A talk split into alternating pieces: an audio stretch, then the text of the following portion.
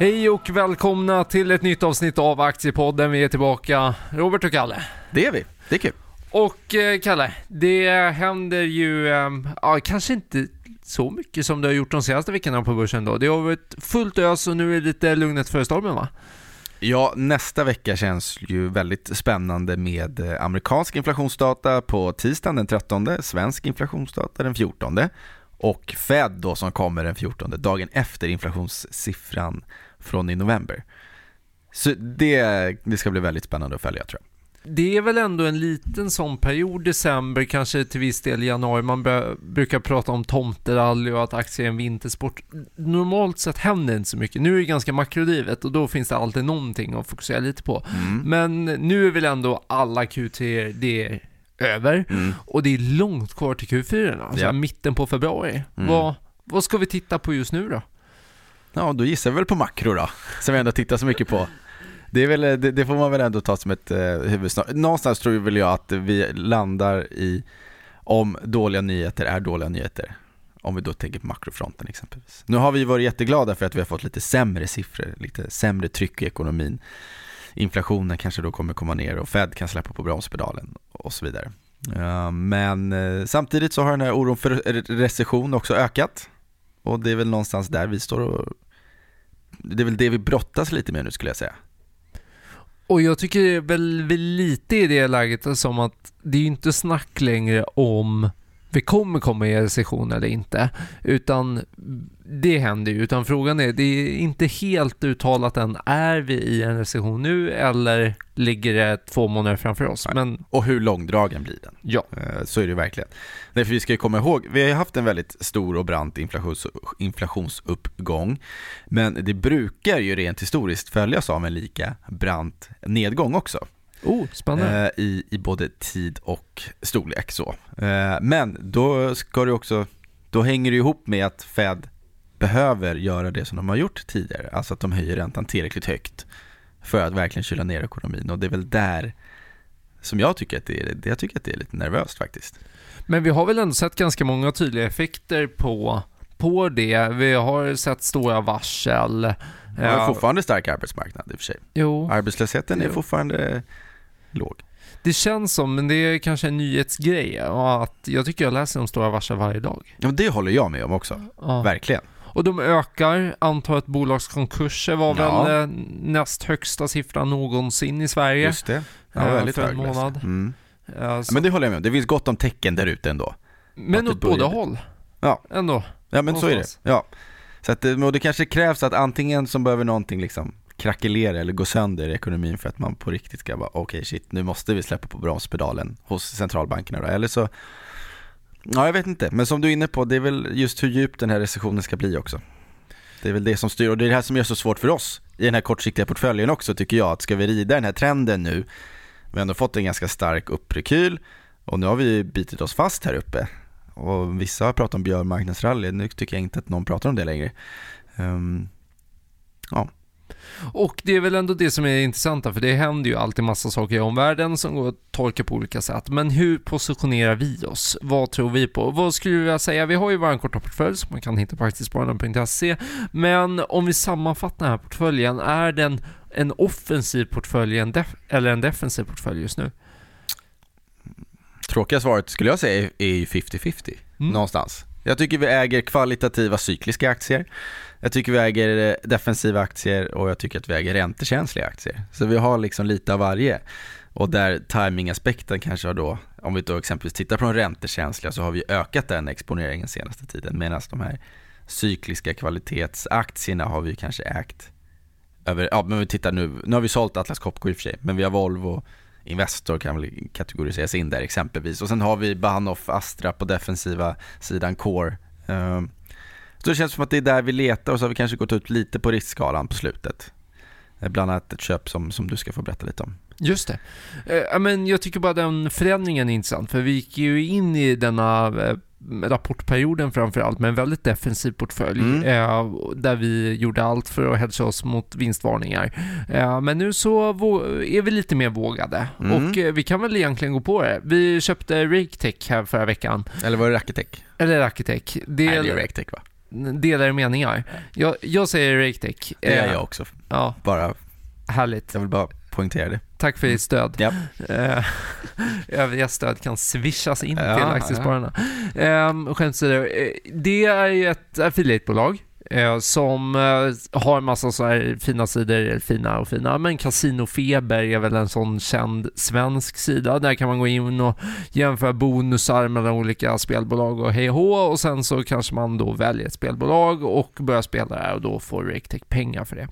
Eh, sen så det är väl drygt 67% av deras business. Eh, sen en del av businessen är också att de har, eh, de vill ju använda massa fina ord, en SAS-lösning för deras konkurrenter, men någonstans, de är ju, de är en liten spelare, men det är en väldigt fragmenterad marknad, så det finns väldigt, väldigt många små, små spelare, så då har de lagt upp hela den här lösningen med betalningar och rent legal och allt sånt så andra konkurrenter kan köpa sig in på deras lösning. Och sen har de en liten del, 10% som är hänfört till ett förvärv i USA som är lite spännande. Man blir medlem och har en abonnemangstjänst med spelrekommendationer. Så betta på England i kvartsfinalen i VM till exempel. Mm. Fast då är det framförallt amerikansk eh, sport det Okej. gäller. Eh, men växer väldigt snabbt, växer drygt 30% per år, varav 20% av det är förvärv och 10% är organiskt ungefär. Eh, hög lönsamhet, eh, ser billigt ut eh, kort och gott och är väl lite också ett spel då på en börsuppgång. Det borde ta med sig den här typen av bolag som har fått mycket stryk i den här perioden. Det är lite osäker osäker miljö. Jag skulle vilja säga att vad anledningen till att de här affiliatebolagen är de klart mest lägst värderade i den här sektorn är väl ändå att många förvärv kan bli lite sämre än man först tror. Vi har Catena Media som är Mm. stora spelaren som också ser ganska billigt ut men det är väl lite så att om jag har startat min egna lilla sida som heter någonting där man kan jämföra odds på olika fotbollsmatcher och sen så säljer jag den här sidan. I många fall så slutar sidan gå lika bra när den byter ägarhänder. Mm. Men eh, ja, det var ett spännande köp. Som har utvecklats sisådär sen vi tog in det. Ja, det har ju.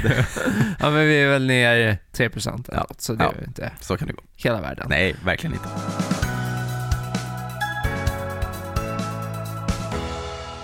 Och vad gjorde vi mer då? Vi gjorde ett sälj. Ja, vi har ju sålt vårt kära SBB. Ja. Igen. Det är tradat den där lite fram och tillbaka. Och det har gått ganska bra. Det har gått ganska bra, får man ändå säga. Men eh, den här försäljningen då? Varför gjorde vi den? Jo, aktien har ju stuckit ganska mycket. Får man säga. Eh, Vad var den upp på, nu minns jag inte, men det är väl 50% på kort tid i alla fall. Ja. Om ens det. ja. Eller nej, ännu mer, den är väl upp 60%. Ja, men något i den stilen. Mm. Supermycket. Och Många blankare som har varit eh, då blivit squeezade det har de. Eh, de har gjort jättemycket affärer som vanligt och ställt till med massa media. Eh, men nu senast så sålde de ju eh, jättemycket fastigheter indirekt för att de startade ett dotterbolag och sålde 49% av aktierna i dotterbolaget till en kanadensisk eh, stor fond som heter Brookfield. Eh, Mycket skriverier om den affären eh, i måndags. Vi sålde förra veckan, i måndags kom de ut med en uppdaterad intjäningsförmåga, alltså hur mycket mindre pengar kommer de tjäna efter att de har sålt alla de här fastigheterna och det var Den var väl ganska positiv. väldigt positivt Mm. och eh, aktien stack ju 15% på det i måndags men sen har den fallit tillbaka så nu är vi tillbaks till ungefär de nivåerna där vi sålde. Vi Runt 20 kronor. runt 20 spänn Ja. och vi tycker väl att det ändå ser helt okej ut. Men vi bevakar, Mm. eh, det gör vi. Men eh, som sagt, det är alltid tufft med aktier som har stuckit så mycket på så kort tid. Mm. Det, ehm, Men du, en annan aktie som vi bevakar, Handelsbanken. Vi har ju trimmat det innehavet lite grann i, i takt med att vi tycker att aktierna kommer upp väldigt mycket. Det är en sån himla tydlig räntevinnare, något som det har vi tjatat om 43 gånger känns det som. Men nu känner vi väl också att eh, vi, vi, vi behåller aktien men att vi ändå utvärderar läget lite grann nu. Om vi ska kanske ha sett en toppen i räntan och vi har ju sett i, nu på slutet hur de här bolånemarginalerna ska de pressas ner. Um, bolånevolymerna Kommer de ens öka? Alltså var ska vi hitta tillväxt? Eh, ja, så att eh, det där är vi lite fundersamma kring just nu. Det har ju varit så enkel grund någonstans för bankerna med en bostadsmarknad där priserna har stigit 10% per år i massa år. Ja. Det är ju jätteenkelt att då öka bolånevolymerna. Men eh, ny, ny statistik senast i morse där så här, priserna fortsätter falla och ja. de kommer nog göra det ett tag framöver. Ja, det är så. svårt att se någon riktig volymtillväxt i ett sånt klimat. Det måste man ju säga. Ja men verkligen. Och kreditförluster är ju fortfarande ingenting vi pratar om. Nej, det kan det ju bli. Och det kan det ju bli. Men då ska det ju, ja, där är vi inte än, men eh, nej. nej. Det är inte vårt huvudcase. Nej, absolut inte. Men tillväxtmässigt kanske sådär. Eh, det här med bolånemarginalerna är också spännande. Mm. Eh, vad är liksom ditt korta case på det? Ja, men vi kan väl säga att det är väl en, kamp om bolånekunderna, skulle jag säga just nu också, som man upplever på marknaden. Och så, jag menar, vi fick en 75-punkters höjning från eh, Riksbanken. Eh, bankerna har ju inte riktigt tänkt med där, på det sätt man hade förväntat sig. Nej, verkligen. Um, det, jag tycker det är väldigt spännande. Det var många som när vi gick in i detta året såg storbankerna som en absolut räntevinnare i form av att eh, folk blir mindre noggranna med en tiondel hit eller dit på bolåneräntan när ändå räntan är så mycket högre. Jag tycker det har visat sig vara precis tvärtom. Verkligen. Alla pratar ränta nu. Ja. Jag tittar på den hela tiden. Ja, men, alltså, nej men verkligen.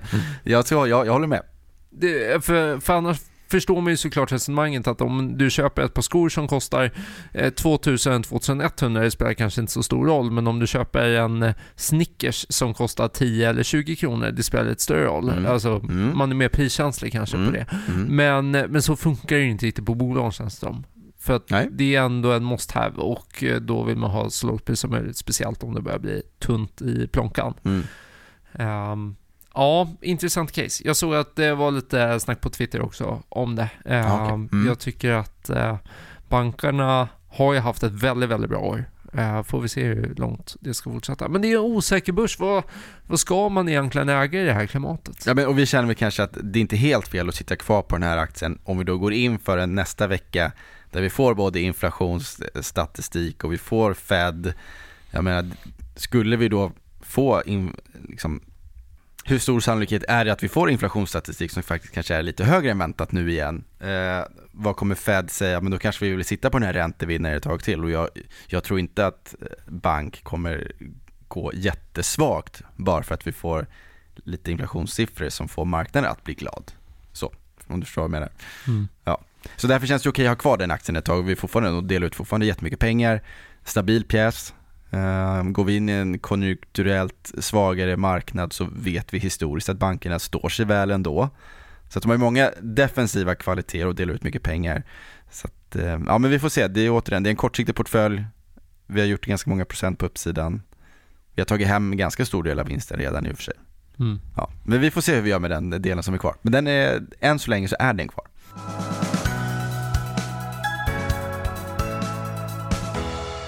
Men på tal om eh, stor uppsida och eh, potentiella försäljningar. Vi har ju också ett case där vi faktiskt eh, denna veckan gör en försäljning, Kalle. Ja, det är vårt lilla V5. Ja. Ja. Ett favoritbolag. Ja, nej men då, de tog vi in inför deras Q3 som vi då vet säsongsmässigt är ganska litet. Men där vi ändå tyckte att det var en bra rapport.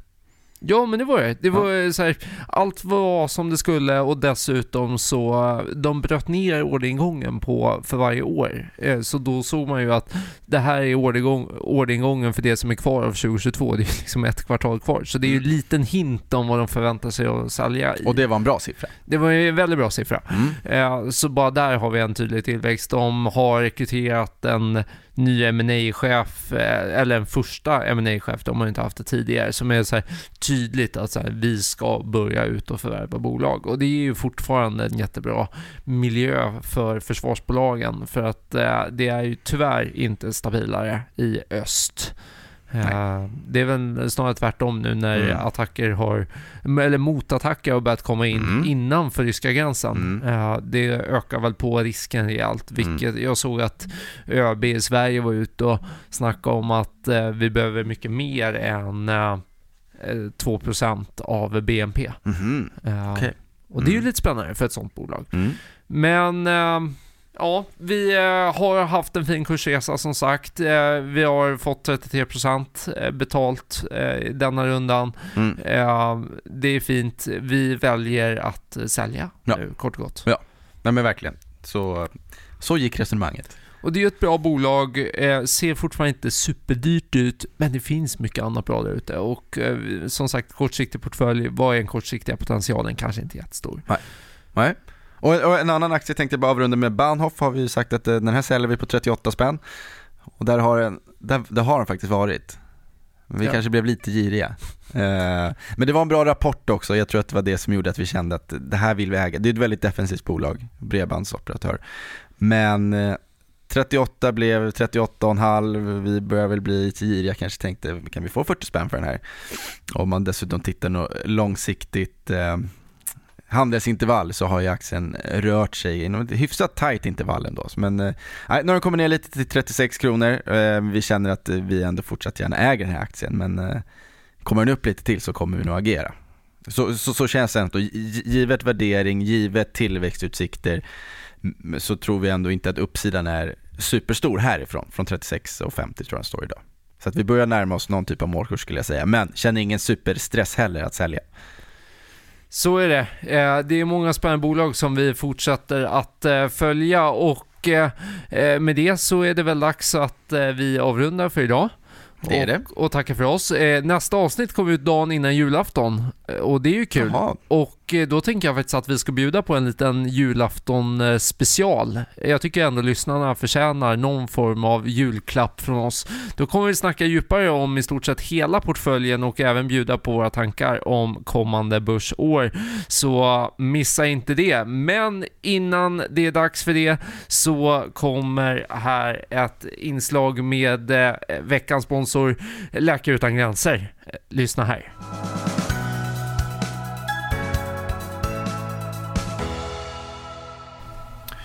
Då säger vi hej och varmt välkommen till sponsorn till detta avsnitt av Aktiepodden och det är Läkare Utan Gränser. Och idag har man kallat in en så speciell person som Hjalmar Didriksson för att berätta lite mera. Varmt välkommen Hjalmar.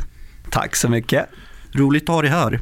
Men eh, vem är egentligen Hjalmar Didriksson? Du får börja med att berätta lite om dig själv här. Ja, tack så mycket. Jag heter Hjalmar då och eh, jag, eh, ja, jag kommer från en, en, ett litet samhälle utanför Stockholm. Min mamma var sjukgymnast och pappa var lärare.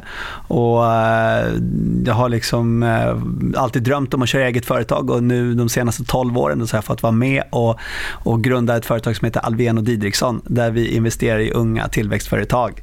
Ehm, och vi har egentligen tre ledord för vår verksamhet. Vi försöker ha kul eh, tillsammans med våra entreprenörer. Vi försöker göra vettiga saker som vi kan tro på och som det känns bra i magen eh, när vi berättar för andra om vad vi gör. Och sen så vill vi eh, hitta lönsamma affärsmodeller så vi kan skapa värde och hålla på riktigt länge. Men idag är du här för att prata om Läkare Utan Gränser och du har ett initiativ som du håller på att genomföra här till förmån för organisationen. Berätta lite mer om det. Jo, det är så här att eh, under mina studier så kom jag i kontakt med en kompis som heter Adam Samuelsson som har grundat Idun Industrier och Adam och jag vi har eh, tillsammans då varit med och följt Läkare Utan Gränser under några år och vi har eh, egentligen fått ett fantastiskt intryck av organisationen som en hjälpande organisation och som en möjlighet för oss att eh, kunna göra någonting bra vid sidan av våra vanliga jobb. Vilka tycker du då är Läkare Utan Gränsers viktigaste funktioner?